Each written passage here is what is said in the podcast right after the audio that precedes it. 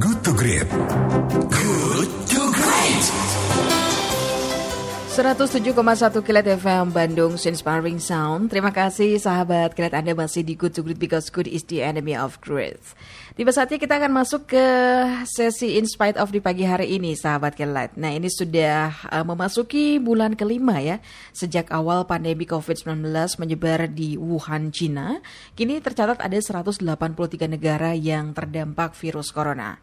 Nah, banyaknya berita dan informasi mengenai virus corona membuat masyarakat khawatir dan lebih was-was. Tidak hanya orang dewasa, ternyata anak-anak pun bisa merasakan kekhawatiran akibat pandemi ini. Sudah sekitar sebulan ya masyarakat Indonesia diminta untuk uh, tetap di rumah, stay di rumah, baik itu mengerjakan pekerjaan ataupun juga anak-anak uh, harus belajar di rumah ya. Ini mulai dari uh, belajar, bermain, semua interaksi dilakukan di rumah. Nah, interaksi dengan orang luar uh, rumah dibatasi atau terbatas untuk pen mencegah penyebaran virus corona. Lalu bagaimana cara mengetahui anak yang mengalami kekhawatiran atau juga stres? Dan bagaimana cara mengatasinya guna menjawab pertanyaan tersebut nih sahabat kilat? Kita akan terhubung dengan Dr. Irnova yang merupakan founder dari Otak Anak Indonesia dan juga aktivis kesehatan mental dan otak anak.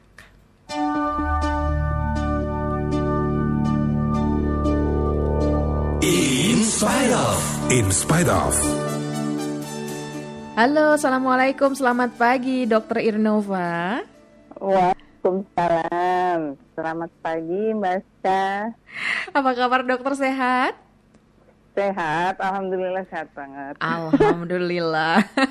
Tetap bersemangat ya dokter ya, optimis. Yes, kita semangat. segera keluar dari Pagi-pagi corona. Pagi-pagi harus tetap semangat ya dokter ya, meskipun kita sekarang masih stay at home ya dok. Iya, betul. Iya. Di Bandung juga ya? Iya dong. Gimana di sana dingin gak? Di Bandung masih belum keluar matahari nih.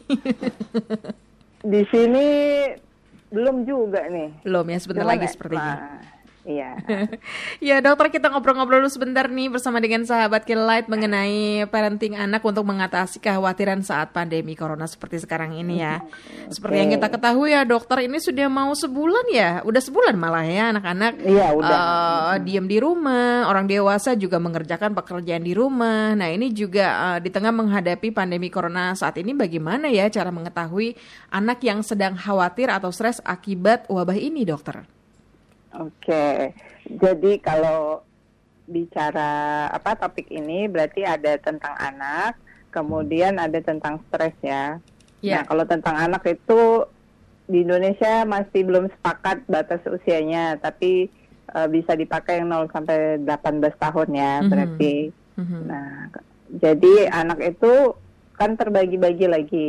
Mhm. Setiap usia, misalnya usia prasekolah itu saat-saat pembentukan basisnya otak kan, Mhm. pembentukan dasar-dasarnya yang nanti dari dasar ini kayak kita bangun rumah itu fondasinya nanti yang mau ditinggiin sampai mana itu urusan nanti kan yang penting fondasinya ini Mhm. eh, harus kokoh harus kuat gitu kan nah itu biasanya kan di usia prasekolah 0 sampai 7 tahun Mhm. kemudian setelahnya usia sekolah tu- eh, 7 sampai eh, seterusnya biasanya usia sekolah dasar sampai 12 tahun nah yang tadi yang di usia pertumbuhan yang awal-awal Mhm. itu respon stres kan tidak secara verbal disampaikan anak tidak dia omongin mah aku lagi stres banget mah kan kayak gitu ya bisa berupa anaknya eh, misalnya terbangun gitu di malam hari Aha. menangis Gelisah Nah, ya? itu cukup sering ya, ah, Mhm. dibanding dia saat-saat hari biasa Aha. bisa juga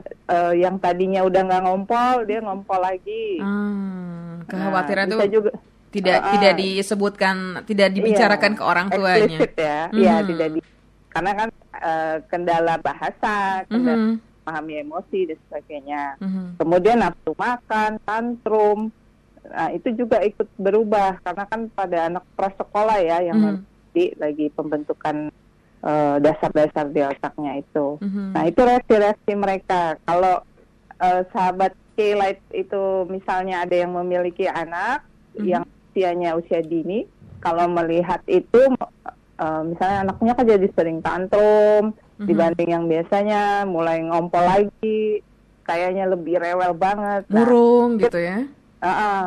mungkin itu sudah apa kelihatan anaknya ngasih sinyal ke kita gitu Mhm. Oh, eh, mama papa aku tuh sebenarnya lagi khawatir lagi stres dan sebagainya Mhm, gitu nah mhm. terus apa yang harus dilakukan orang tua kalau punya anak usia dini nah kita pertamanya tadi kan ngamatin nih udah tahu kayak Mhm. gitu oh reaksi stres anak tuh kayak gitu yang Iya. usia yang kecil ya tet- kita harus tetap sabar dan menerima bahwa itu adalah biologis atau fisiologis atau normal gitu Iya, ya Iya.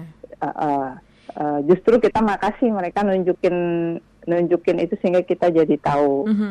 Kemudian kita coba bantu dalam bahasa. Mhm. Nah, uh, kalau kita takut atau kita khawatir atau kadang-kadang kan informasi kita misalnya lagi kerja kita nggak tahu misalnya televisi nyala anaknya Mhm. ngeliat atau obrolan orang dewasa di dalam rumah yang mereka dengar kan ke- tentang kematian tentang eh, rasa takut tuh mereka bisa menerimanya itu kayak eh, kalau bahasa otaknya itu default mode Mhm. jadi kayak menyerap aura gitu. Jadi bukan hanya kata-katanya yang mereka cerna, tapi kalau orang dewasanya tampak tampak takut, stres, panik dan sebagainya ya mereka juga bisa ngerasain itu. Bisa gitu. ikut seperti itu ya. Mm-mm, Nah ini seperti dokter eh, faktor-faktor apa saja yang membuat anak khawatir kalau anak katakanlah yang tadi prasekolah mereka kan nggak ngerti gitu ya maksudnya belum Hmm. mengerti secara jelas mengenai pandemi corona mungkin yang mereka lihat kenapa mama papa di rumah kenapa om tante di rumah kenapa kakak di rumah sehingga eh, apa ya mem- membuat mereka bertanya-tanya dan kekhawatiran itu juga mungkin membuat mereka jadi eh, berpikir sama ini faktornya apa saja selain yang ada di internal dokter Ya, eh, kan perubahan rutinitas ya Mhm. eh, ketika orang ada di rumah. Nah, reaksi orang dewasa di sekitarnya itu sangat mempengaruhi anak, terutama pengasuh-pengasuh yang utamanya mereka Mhm. gitu. Sebenarnya stres pada anak itu kuncinya adalah interaksi orang dewasa yang mengasuh. Hmm. Jadi stres itu bisa ringan, bisa berat, eh, bisa sedang, bisa berat, tergantung dari bagaimana interaksi si orang dewasa yang mendampingi mereka gitu. Jadi kalau orang dewasanya misalnya, mohon maaf, misalnya mengalami gangguan mental, Mhm. itu anak yang tadinya sebenarnya eh, nggak apa-apa gitu ya, tapi bisa mengalami gangguan mental juga di kemudian hari apabila diasuh orang yang mengalami itu. Eh, jadi usia usia fragile ini yang prasekolah ini ya seperti itu Mhm. dampaknya dari pengaruh dari lingkungan misalnya med- media kalau media kan lebih ke sekolah dasar mungkin ya Iya. tapi kalau usia dini ya orang tuanya gimana bereaksinya gitu Oke. Nah ini dokter, ini bagaimana upaya-upaya atau cara mengatasinya agar si anak tidak khawatir dan mengerti dengan kondisi saat ini. Lantas apa yang harus dilakukan oleh orang tua ataupun orang-orang di rumah? Oke Eh, ini ada yang penting juga nih eh, Mbak Aska Mhm. jadi kayak sekarang ini kan eh, disaster tapi yang kita itu masih bisa di rumah aja ya.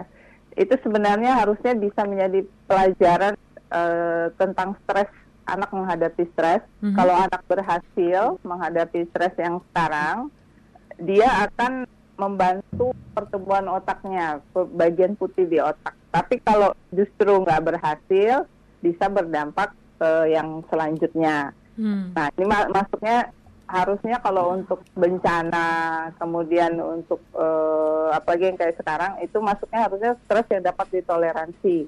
Kalau dia dapat ditoleransi, benar-benar efeknya bisa jadi baik ke anak, lalu anaknya bisa tumbuh baik dan tidak tidak ada efek negatifnya gitu. Lalu apa yang harus dilakukan oleh orang tua? Eh, pada dasarnya tadi sama ya, karena intinya adalah interaksi. Karena perbedaan hari ini sama yang sebelumnya itu kan tidak ada sosialisasi langsung sama orang yang biasa mereka temui, misalnya di sekolah ada temennya gitu kan, Mhm. Mhm. teman main lah, teman main tetangga di rumah juga eh, udah terbatas banget. Nah, jadi itu kan menimbulkan anak itu apa lebih mudah bosan Mhm. dan sebagainya. Itu bisa tiap hari anak-anak itu bilang atau mengeluh bosan walaupun sudah banyak kegiatan yang mereka lakukan. Karena apa? Karena kebutuhan sosialisasi itu sangat naluriah. Mhm. Eh, selain memahamkan anak tentang kondisinya seperti ini dengan cara menceritakan yang kita alami juga, mama, papa juga sama sama kamu punya rasa bosan, ngerti apa yang kamu rasain. Kami juga nggak bisa ngobrol sama teman mama, ketemu teman kerja papa dan sebagainya. Ya akhirnya ini yang kami lakukan. Nah, yang itu akan terus mungkin menjadi komunikasi sehari-hari dengan anak. Jadi dimulai dulu dengan memahami emosinya, rasa Oke. bosannya kita terima, Mhm. divalidasi ya istilahnya. Nah, baru kita sampaikan dari eh, pengalaman kita ke dia gitu. Oke, jadi Seperti itu. jadi memang Dan- kuncinya komunikasi dari kedua orang tua ya dokter ya. Dan manfaatkan media kita, misalnya berkomunikasi sama teman via WhatsApp. Oh gitu. iya iya, Aha, mungkin karena kangen sama teman-teman sekolahnya atau teman dekat di sekolahnya, sama Iya, gurunya kita- mungkin ya. Iya, dan dan pas mainnya itu Mbak Eska butuh temen beneran main bareng gitu kan. Hmm. itu yang membuat mereka merasa bosan ya karena anak-anak juga Iya. mungkin kangen beraktivitas di sekolah misalnya berolahraga bareng Iya, kangen bu guru dan lain sebagainya ya mungkin itu juga bisa Betul, salah satunya guru. diatasi mungkin dengan video call mungkin ya sama sahabatnya yang biasa atau uh, Iya. teman main tetangganya ya dokter ya itu mungkin bisa Iya, sedikit betul. mengurangi ya Ah-ah. ya Terus kalau menjadikan Aha. anak figur aktif gitu. Kalau Oke. kamu bisa atasin bosan kamu, kamu sharing sama teman apa yang kamu lakukan menghadapi bosan, misalnya dia sharing itu kan lebih lebih apa namanya inisiatif dari dia, kemudian eh, apa apresiasinya itu lebih besar menurut dia gitu dari sekedar ya cuman orang tua gua doang yang tahu gitu. Dokter, ini kalau masa eh, masa stay at home ini kan membuat anak-anak bosan gitu ya, sehingga mereka apa ya? eh, ber- apa ini berpengaruh nggak sih kondisi ini terhadap perkembangan otak mereka mengingat mereka di rumah terus itu lantas apa yang harus eh, dilakukan oleh kedua orang tua sehingga otak anak tetap berkembang? Ya, berkembang eh, normal ya, Mbak. Aska.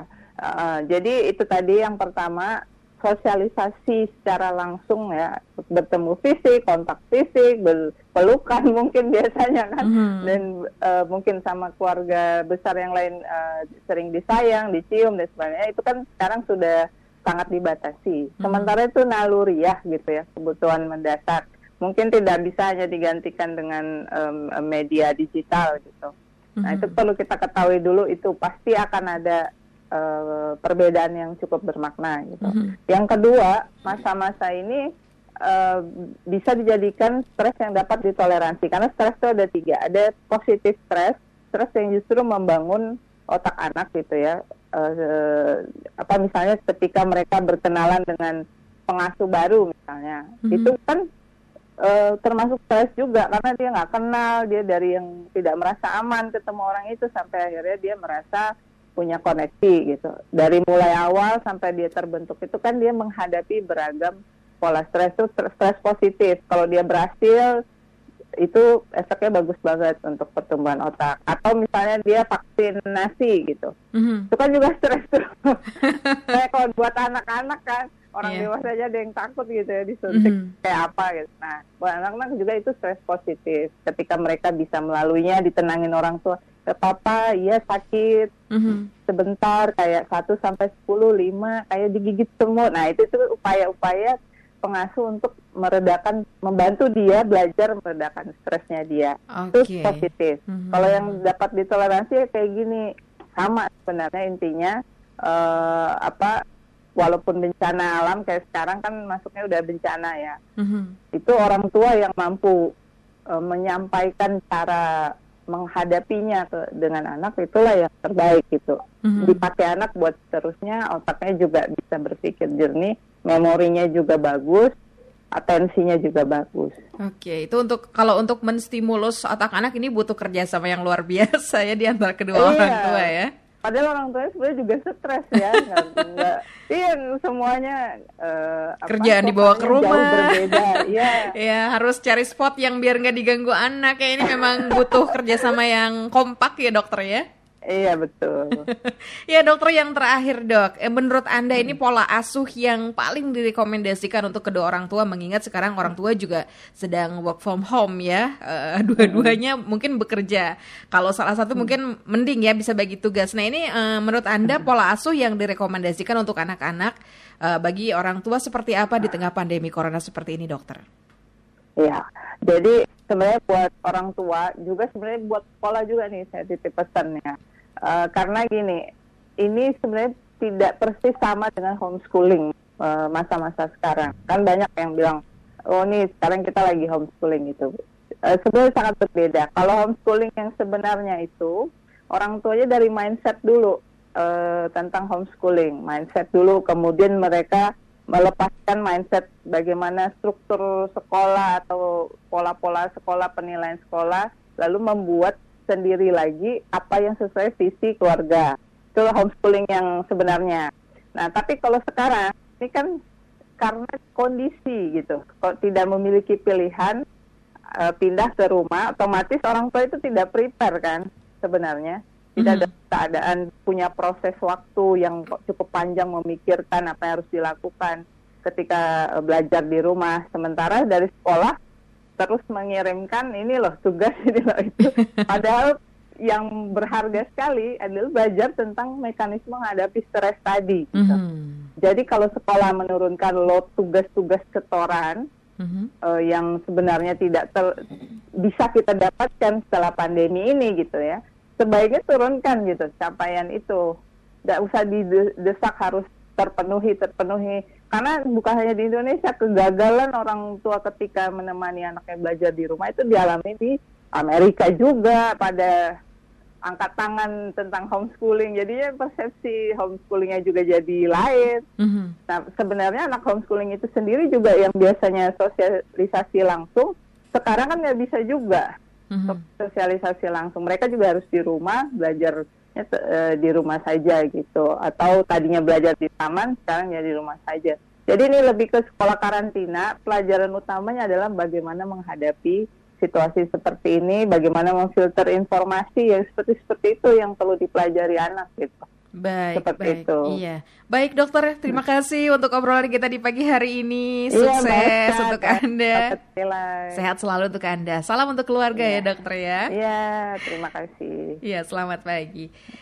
Demikian sahabat kalian perbincangan kita mengenai parenting anak untuk atasi kekhawatiran saat pandemi corona bersama dengan Dr. Irnova Suryani selaku founder Otak Anak Indonesia dan aktivis kesehatan mental dan otak anak.